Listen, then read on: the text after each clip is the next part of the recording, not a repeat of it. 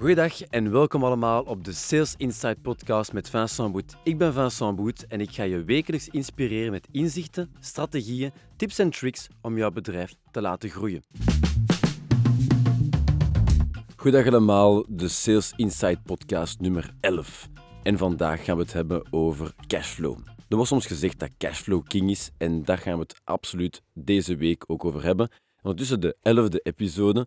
We zijn stilletjes aan aan het komen en dat is wel heel leuk en ik doe het absoluut ook met heel veel plezier. Ik kan u alleen maar één ding vragen en zeker ook motiveren en dat is ook om een berichtje achter te laten.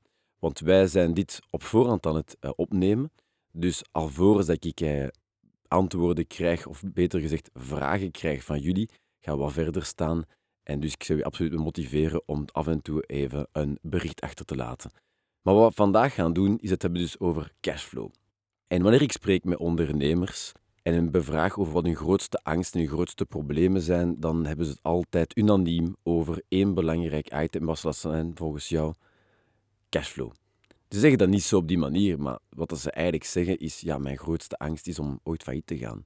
Op een moment ja, niet meer te kunnen blijven verder bestaan. Maar als datgene dat we eigenlijk opgebouwd hebben, dat dat plotseling zou stoppen. Dat er bepaalde omstandigheden zouden voorkomen die ervoor zouden zorgen dat het bedrijf niet meer kan verder bestaan. Maar hoe komt een bedrijf uiteindelijk tot een faillissement? Dat is omdat ze op een moment ja, niet meer de financiële middelen hebben om alle factures, alle leveranciers, alle stakeholders, alle mensen die de schuldeisers te kunnen verder betalen. En er zijn bedrijven die jarenlang verlies draaien en alsnog blijven bestaan. Er zijn internationaal, maar ook nationale voorbeelden daarvan, van bedrijven, ook start-ups vaak, die investeren, die in een soort investeringsfase zijn, die kapitaal ophalen, die kapitaalsverhogingen doen. Denk maar aan de banken tijdens de financiële crisissen, die uiteindelijk ja, best wel wat eigen vermogen of vreemd vermogen hebben opgehaald eigenlijk om hun kapitaal te vergroten. Dus niet omdat je eigenlijk verlies draait, dat je daar ook failliet zou kunnen draaien. Het is op het moment dat er eigenlijk geen geld niet meer is om alle schuldeisers te betalen, dat je dan failliet wordt verklaard. Want je wordt verklaard, het is niet dat je daarvoor kiest. Hè. Op een bepaald moment ja, is het gedaan, wordt de kraan dichtgedraaid en daar staat het dan. En verlies is dus niet hetzelfde als faillissement. Dus dat is een heel belangrijke zaak daarin. En waarom spreek ik daarover? Wel, dat is eigenlijk heel duidelijk. Vandaag zijn we bezig een episode aan het opnemen van de Sales Insight podcast. We hebben het over sales, groei en strategie en marketing. En de beste manier om ja, levensvatbaar te blijven en op lange termijn te kunnen blijven bestaan, is uiteraard ja, goede groei realiseren, goede verkoop realiseren en dat die verkoop zich omzet op een moment in omzet, inderdaad. Dus dan kan je ervoor zorgen dat er genoeg binnenkomt om alles te kunnen blijven betalen. Op één voorwaarde. En dat is iets dat ik veel te vaak zie voorkomen bij klanten, bij mensen die ik begeleid, tijdens mijn masterclasses, is dat zij te weinig moeite doen om hun facturen te doen betalen. Beter gezegd nog, ze sturen hun facturen soms te laat uit, waardoor dat ze ja, op een bepaald moment merken van oei, de rekening is wel laag, het is misschien wel tijd dat ik mijn facturen begin op te maken om al mijn leveranciers te kunnen betalen. Als het herkenbaar is, moet je er absoluut aan doen. Ik weet dat dat voor heel veel mensen, heel veel ondernemers, zeker, zeker, zeker herkenbaar is. Er wordt op een bepaald moment aan uw mouw getrokken. Ze zien op een bepaald moment van, oh, hier gaan we in de problemen geraken en dan beginnen ze factures uit te sturen. Er is met andere woorden geen systeem om factures uit te sturen. Er is geen systeem om ervoor te zorgen dat het werk, de opdrachten, de arbeid die verricht is, effectief op een moment wordt gefactureerd. Laat staan dat deze ondernemers voorschotfacturen sturen. En dan merk ik heel vaak inderdaad dat er bedrijven zijn, ondernemers zijn die problemen hebben met cashflow en je dan vraagt van hoe zit uw systeem juist in elkaar? Welke procedure heb jij uitgedokterd wanneer dat er een klant toezegt voor een van de opdrachten of een offerte getekend heeft? Wat is dan het verdere verloop tot het moment dat jij effectief de zaken begint op te starten? En wel, dan merk ik heel vaak dat ondernemers daar geen concrete strategieën hebben. dat is zeker een oproep dat ik naar jou ook stuur. Is zorg ervoor dat jij een uitgewerkte procedure hebt tussen het moment dat een klant heeft toegezegd tot het moment dat jij de opdracht gaat uitvoeren, waar dat jij een financiële flow ook opstelt. Waar dat er de opdracht gegeven wordt op een moment aan de administratie, of als jij de administratie zelf doet, dan moet je dat zelf ook inbouwen, dat je op een moment ook een factuur, een voorschotfactuur uitstuurt. En daar is wetgeving rond, hè. absoluut. Daar zijn maximumen in. Laat u zeker ook begeleiden ook door een businesscoach of door uw boekhouder of door een advocaat om te zien wat je beste percent van de opdracht bijvoorbeeld kan laten voorfinancieren, voorfactureren, om ervoor te zorgen dat het geen hypotheek legt op de verdere groei en expansie van je bedrijf. Wat jij bedoelt, is je moet ervoor zorgen dat wanneer een klant heeft toegezegd, dat daar zeker ook een voorschotfactuur wordt opgestuurd. Dat is een heel goede manier om je cashflow op niveau te blijven behouden. Dat is de eerste tip dat ik u meegeef. En om verder te gaan op die voorschotfactuur, want ik weet dat dit een item is dat uh, polariserend is. Veel ondernemers hebben moeite mee om voorschotfacturen uit te sturen. En wanneer moet je die voorschotfactuur juist uitsturen? Ik heb daar een heel concrete tip in dat ik aan alle mensen die ik begeleid ook meegeef, is stuur die voorschotfactuur zo snel mogelijk. Ook al is die opdracht ver in de toekomst, zorg ervoor dat jij, wanneer de klant heeft toegezegd, dat je die klant bedankt voor het vertrouwen en ook zegt van, kijk, er is een bepaalde datum dat wij afgesproken hebben om deze opdracht uit te voeren. Dat is heel herkenbaar bij mensen in de bouw eh, werken bijvoorbeeld. Is dat je afspreekt wanneer dat je ter plaatse zal komen voor het project voor de werf op te starten. En zeg ook aan jouw klant van kijk, dank u voor het vertrouwen.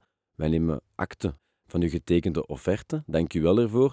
Wij hebben gepland om dan ongeveer bij u langs te komen voor de uitvoering, maar om definitief opgenomen te kunnen worden binnen onze planning vragen wij u bijgevoegde voorschotfactuur van puntje, puntje, puntje percent te betalen.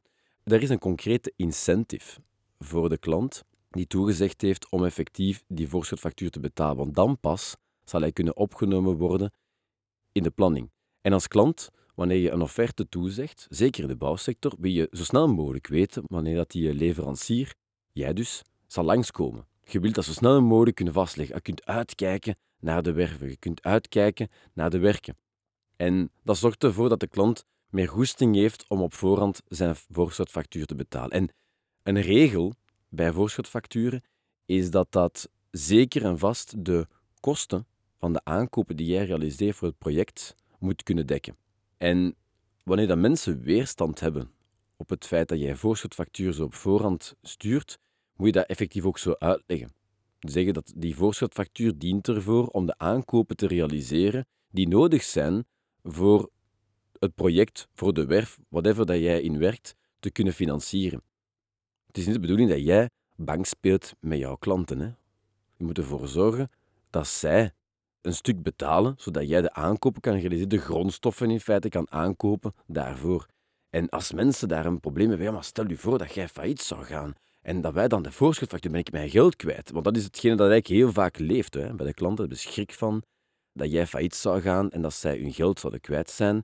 Ja, zorg ervoor dat je een soort overeenkomst hebt in de algemene voorwaarden.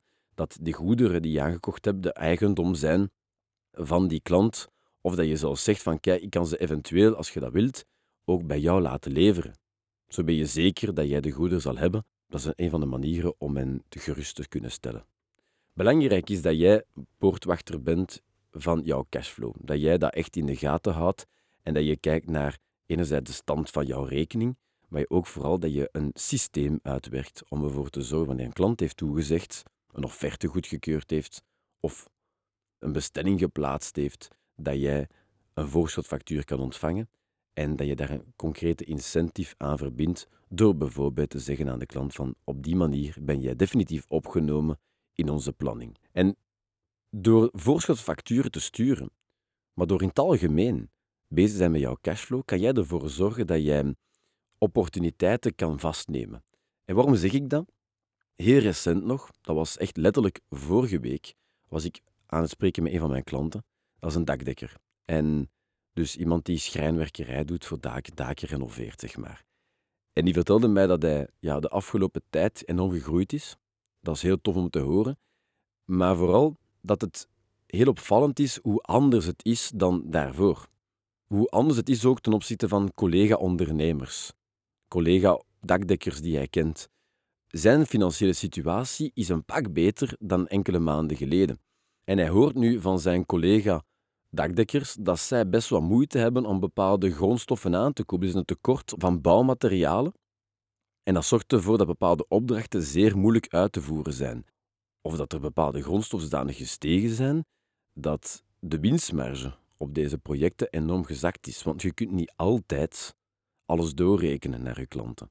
Soms word je daardoor uit de markt geprijsd. En dat was bij hem ook absoluut vroeger ook het geval. Maar door het feit dat hij een betere cashflow heeft, een betere cashpositie heeft kunnen opbouwen, door het feit dat er een uitgewerkte procedure is ook, van het moment dat een klant heeft toegezegd, op het moment dat de uitvoering gebeurt, heeft hij nu een voorraad kunnen opstellen. Een financiële voorraad kunnen opstellen, om te beginnen, die hij gebruikt heeft om zijn effectieve fysieke voorraad te kunnen financieren. Oké? Dat wil zeggen, heel concreet in mensentaal, dat hij best wel hout heeft kunnen aankopen tegen een goed tarief. Op het moment dat hij de kosten begonnen te stijgen, dat de grondstof begonnen te stijgen van hout, heeft hij een grote stok kunnen inkopen. En wanneer dat iedereen nu ja, problemen heeft om aan hout te geraken of aan prijzen zit die eigenlijk ja, tot u totaal uit de marktprijs of gewoon heel uw cashflow opvreten, heeft hij een heel interessante aankoop toen kunnen doen dankzij die cashflow en is hij nu daarop aan kapitaliseren. Hij kan dit nu gebruiken, tussen aanhalingstekens, zijn prijzen aanhouden die iedereen aanhoudt, maar tegelijkertijd heeft hij ja, best wel wat goed kunnen inkopen, waardoor dat nu zijn winstmarge een pak groter is. Zorgt ervoor dat je eigenlijk op die manier weer een betere cashpositie hebt in de toekomst. Dus echt in een positieve spiraal. En veel van zijn collega's zitten juist in een negatieve spiraal. Ze hebben te weinig cash gehad, waardoor dat ze geen inkopen kunnen doen op dat moment. Nu moeten ze duur inkopen, zaken uitvoeren waar ze minder marge op hebben. Dat verlaagt weer hun cashpositie. Zet in eigen negatieve cashcyclus, bij wijze van spreken. Zij gaan minder en minder reserve kunnen opbouwen om zo een omstandigheden te kunnen gaan benutten. In dit geval is het benutten. Maar door goede winst te maken, door goede cashpositie uit te bouwen, kan je ook voorraden opstellen, financiële voorraden opstellen, reserves opbouwen, je eigen vermogen doen stijgen om ervoor te zorgen, wanneer dat jij in een positie komt, of dat de omstandigheden je in een bepaalde positie duwen, dat jij een solide basis hebt, dat jij financieel het er tegenaan kunt.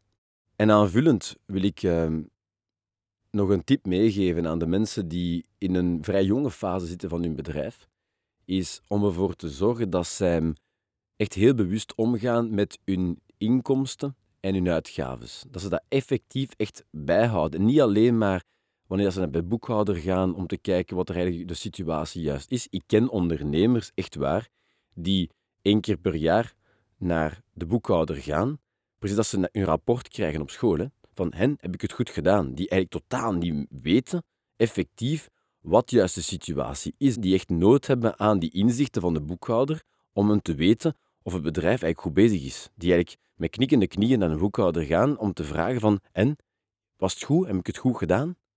Zo zijn er heel veel ondernemers. Hè. Je moet een bepaalde financiële geletterdheid hebben om te beginnen. Dat is nummer één. Maar bovendien wil ik ook zeker ook wel benadrukken dat het heel belangrijk is dat jij je persoonlijk inkomen, wat jij eigenlijk haalt uit de zaak, dat je zeker in de, in de eerste fase van je onderneming, dat je daar gunstig mee omgaat, dat je daar zuinig mee omgaat.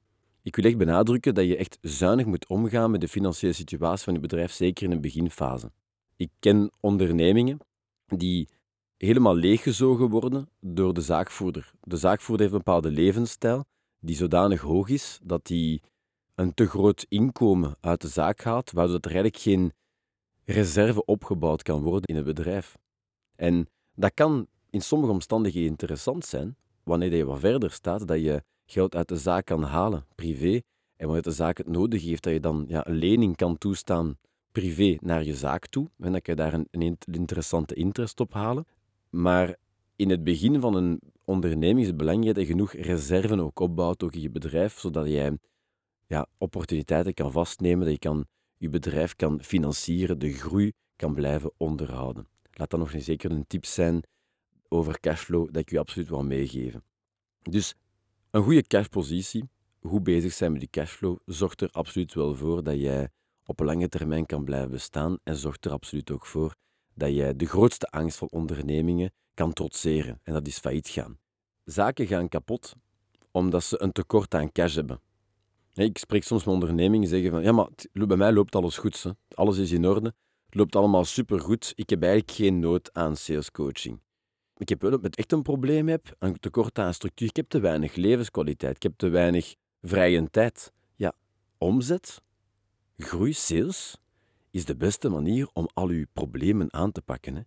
Door een overschot te genereren. Dankzij sales, door ervoor te zorgen dat je een goede marge kan creëren ook.